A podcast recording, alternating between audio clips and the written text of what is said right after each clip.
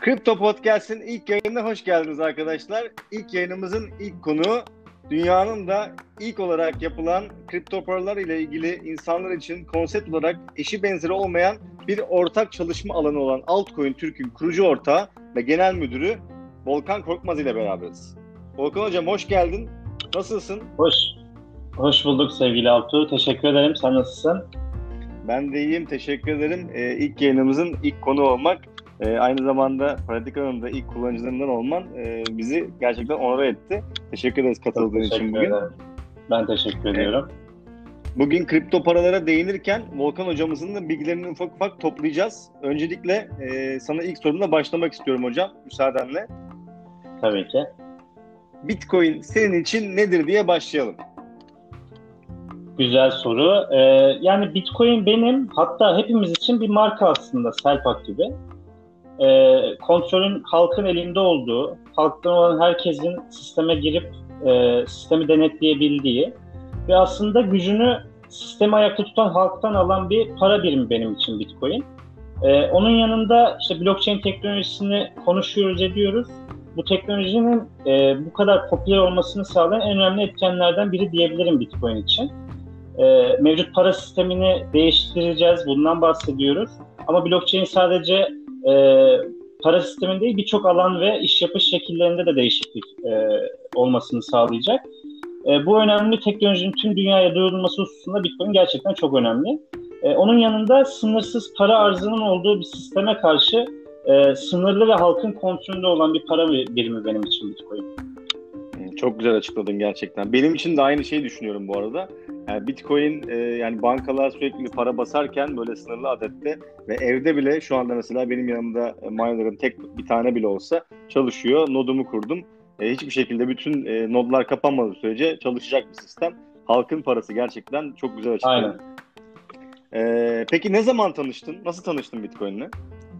E, ben Bitcoin'le 2017 yılının başında e, YouTube'da izlediğim bir TED konuşması vasıtasıyla tanıştım. Bu Don Tapscott'un işte blockchain para ve e, blockchain'in para ve iş şekillerini nasıl değiştireceğini anlattığı bir konuşma var. Herkese tavsiye ederim. O video aracılığıyla tanıştım. Sonra araştırdım, okudum e, ve sınırlı e, Türkçe kaynak olması sebebiyle de Twitter'da yazmaya başladım. Hmm, çok güzel. Don Tapscott da bu arada gerçekten güzel bir akademisyen. Oğluyla beraber e, blockchain ve bitcoin hakkında güzel makaleler yazıyor. Bilmeyenlerin de mutlaka araştırması, e, videoyu da izlemesi gerekiyor. E, peki Satoshi Nakamoto ismini ilk duyduğunda ne düşündün? e, Satoshi Nakamoto'yu ilk duyunca aslında direkt Japon biri canlandı gözümde. e, sonra şu şey var ya bilirsin sen de Samsung, Toshiba, e, Nakamichi, Motorola kurgusu. Onların işte evet. şeyleriyle oluşturulmuş diye. Onu görünce de hadi canım diyorsun böyle.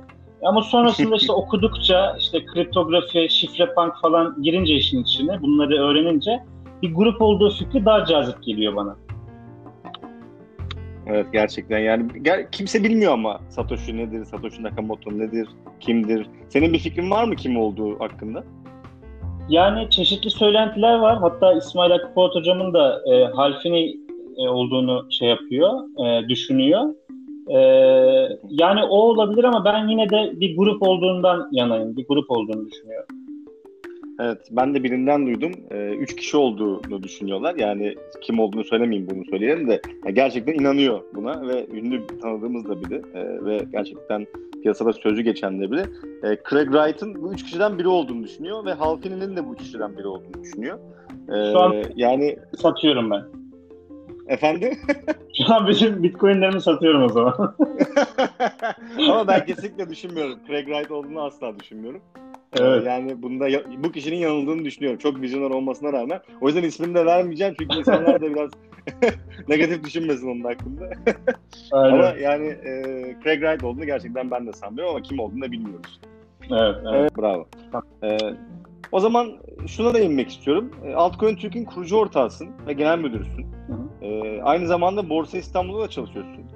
E, genel piyasa, geleneksel piyasalar ile kripto para piyasası hakkında e, karşılaştırdığın zaman ne gibi farklılıklar görüyorsun?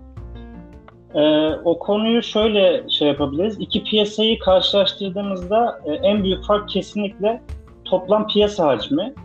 E, kripto para piyasaları bu konuda henüz çok küçük. E, şu an kaç tam olarak bilmiyorum ama 200 ile 250 milyar dolar arasında seyrediyoruz, gidip geliyoruz. E, onun yanında vol volatilite çok e, farklı e, farklı şekilde e, bariz bu konuda.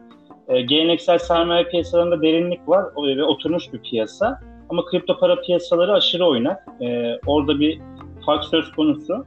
E, kripto para piyasalarında altcoin'ler Bitcoin'e çok bağımlı ve spekülatif. E, belirli durumlar dışında o ne derse onu yapıyorlar biliyorsun. E, herhangi bir ayrıntı da söz konusu olmuyor. Geleneksel piyasalarla arasındaki farklardan birisi de bu. E, yine yatırımcı profili açısından değerlendirirsek de bu konuyu e, aşırı fiyat dalgalanmaları buradaki insanların iştahını kabartıyor diyebiliriz. E, ama geleneksel piyasadan gelen yatırımcı profili e, bu konuda ters etki yaratıyor ve risk, riskli görüyorlar bizim piyasayı. E, bu konuda hmm. son dönemde yaşadıklarımıza bakarsak geleneksel piyasalarda bizimkinden aşağı kalır yanı e, olmadı yani son dönemdeki bu petrolün, e, ondan önceki altının evet. çakılması vesaire. Böyle bir fark e, var aslında. Aslında diyorsun ki bizim volatilitemiz yüksek ama yani geleneksel piyasada bundan aşağı kalır yanı yok. Özellikle şu son dönemde değil mi? Aynen öyle.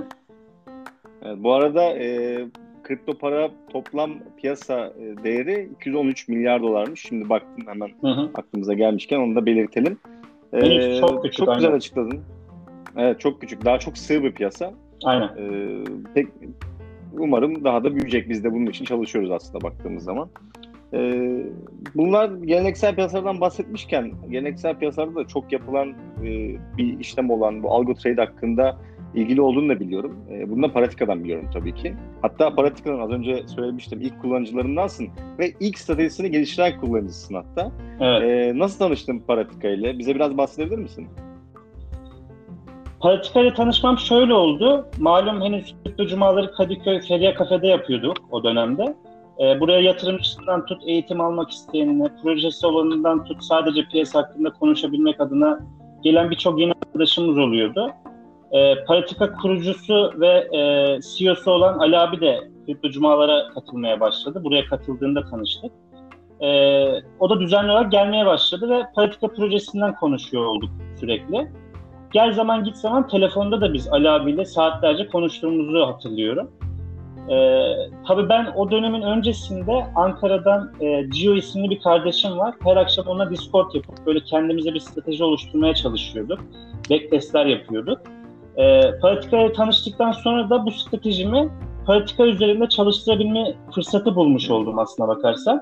E, 2018 yılıydı e, yanlış hatırlamıyorsam. Kripto Cuma etkinliğinin dışında başka bir gün buluştuk. Ali abi, Burak Öner Hoca, bizim Altcoin Türk ekibi. Yine FR Kafe'deyiz. Oturduk e, ve bu konuda çalışmalara başladık. Hatta tweet atmıştık bir tane. E, o zaman hatırlıyorum benim istediğim strateji için e, gereken bir indikatör sistemde henüz yoktu. E, detaylarını paylaşınca stratejimi e, sağ olsunlar pratika arayüzünden değil de tamamen baştan kodlayarak sisteme dahil etmişlerdi e, hocalar. Sonra uzun bir süre sanal işlemlerle testlerini yaptım ben bu stratejimin. İnsanlar sürekli soruyorlardı ne zaman açacaksın diye. Ali abi çok sıkıştırıyorlardı. E, o da doğal olarak beni sıkıştırıyordu. E, uzun bir süre sonuçların verimliliğini kontrol ettim ben. Yani haddinden fazla uzun kontrol ettim bunu. E, düzenlemeler yaptım o neticeler şeyinde. Ve sonunda ilk stratejist olarak Politika ile katılmış oldum ve böylelikle başladım. hep ilkleri kripto para alanında e, sende duyuluyor. Gerçekten bravo. e, o günden bugüne Eyvallah. ne değişti peki Politika'da sence?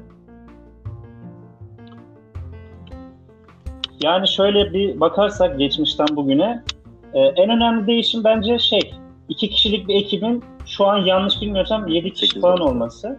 E, ve süper. Ve sürekli konuşuyoruz da Ali abiyle. Bu konuda da konuşmaya çalışıyoruz. E, ekibin daha da büyüyeceğini biliyorum. E, bir girişim olarak istihdam yaratabilmek önemli bir konu. O açıdan politikayı da tebrik ediyorum. E, ilk başladığında e, hatırlıyorum sadece Binance'de işlem yapabiliyorken şimdi işte Huobi, OKEx ve Chiliz'in açtığı yeni borsada algoritmik trade yapılabiliyor.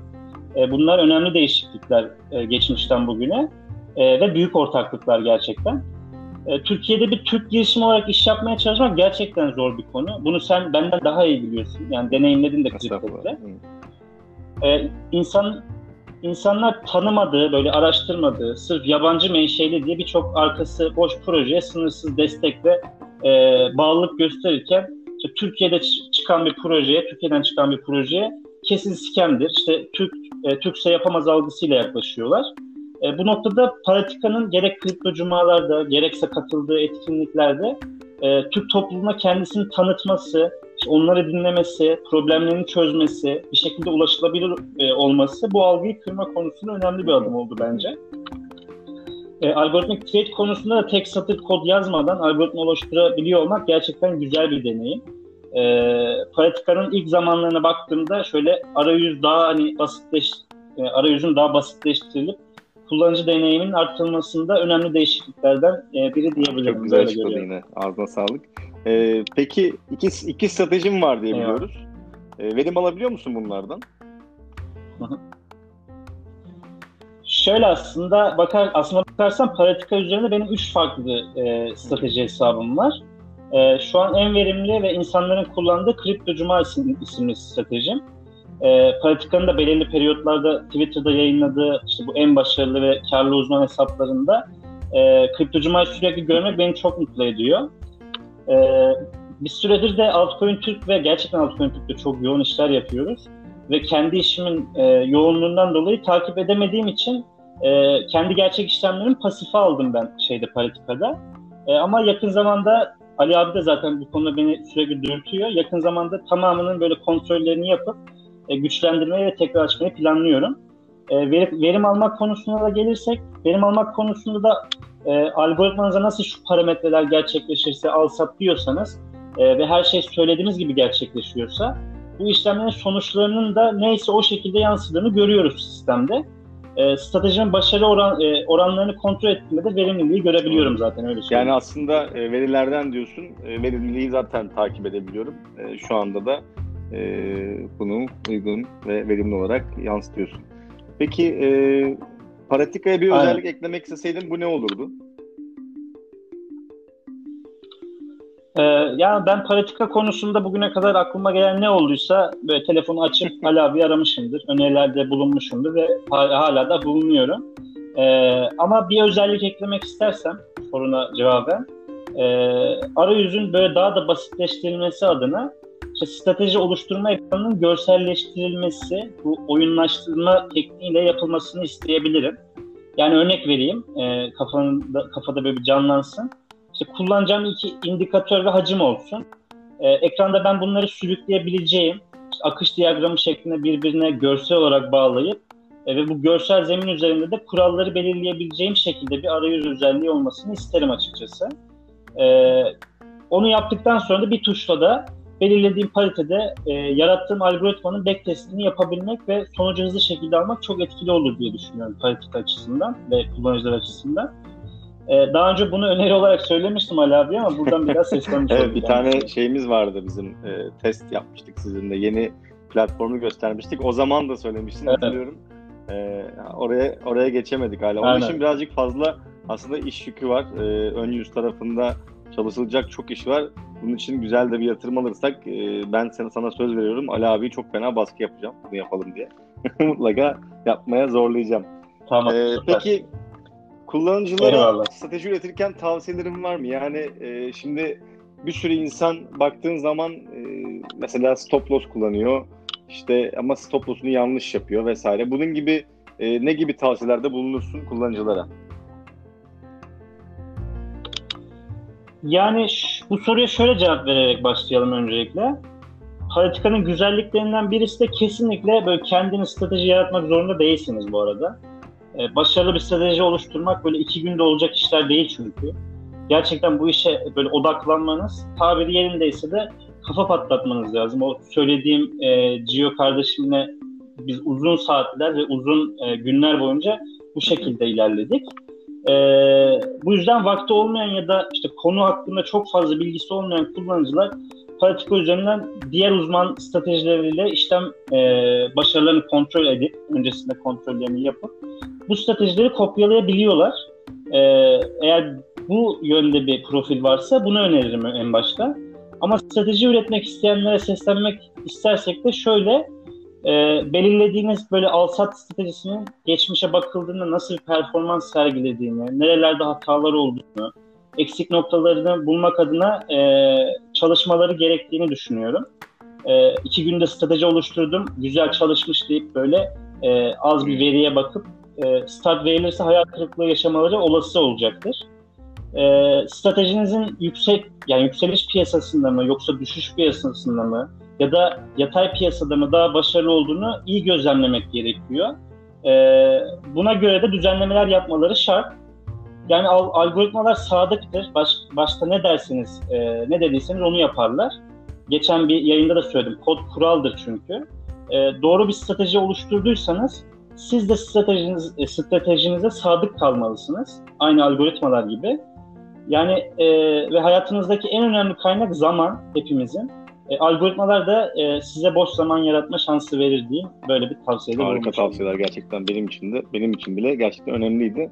Ağzına sağlık Volkan Hocam. E, bugün bizimle olduğun için sana çok teşekkür ediyorum. E, bize zaman ayırdın. E, Kripto Podcast'ın ilk yayınında e, bize bilgilerini paylaştın. E, çok sağ ol, çok teşekkür ederiz. Ben çok teşekkür ederim. İlk yayında olmak, sizle beraber olmak. Seni zaten e, bireysel olarak da çok seviyorum. Birlikte keyifli yayın yapmak çok güzeldi. E, başarılarınızın devamını diliyorum. Çok teşekkürler. Kripto Podcast izlediğiniz için teşekkürler Seda arkadaşlar. E, bir dahaki yayınımızda görüşmek üzere. İyi günler diliyorum, iyi geceler diliyorum ya da e, her ne saatte dinliyorsanız e, görüşmek üzere diyorum. Kendinize iyi bakın. Sevgiler.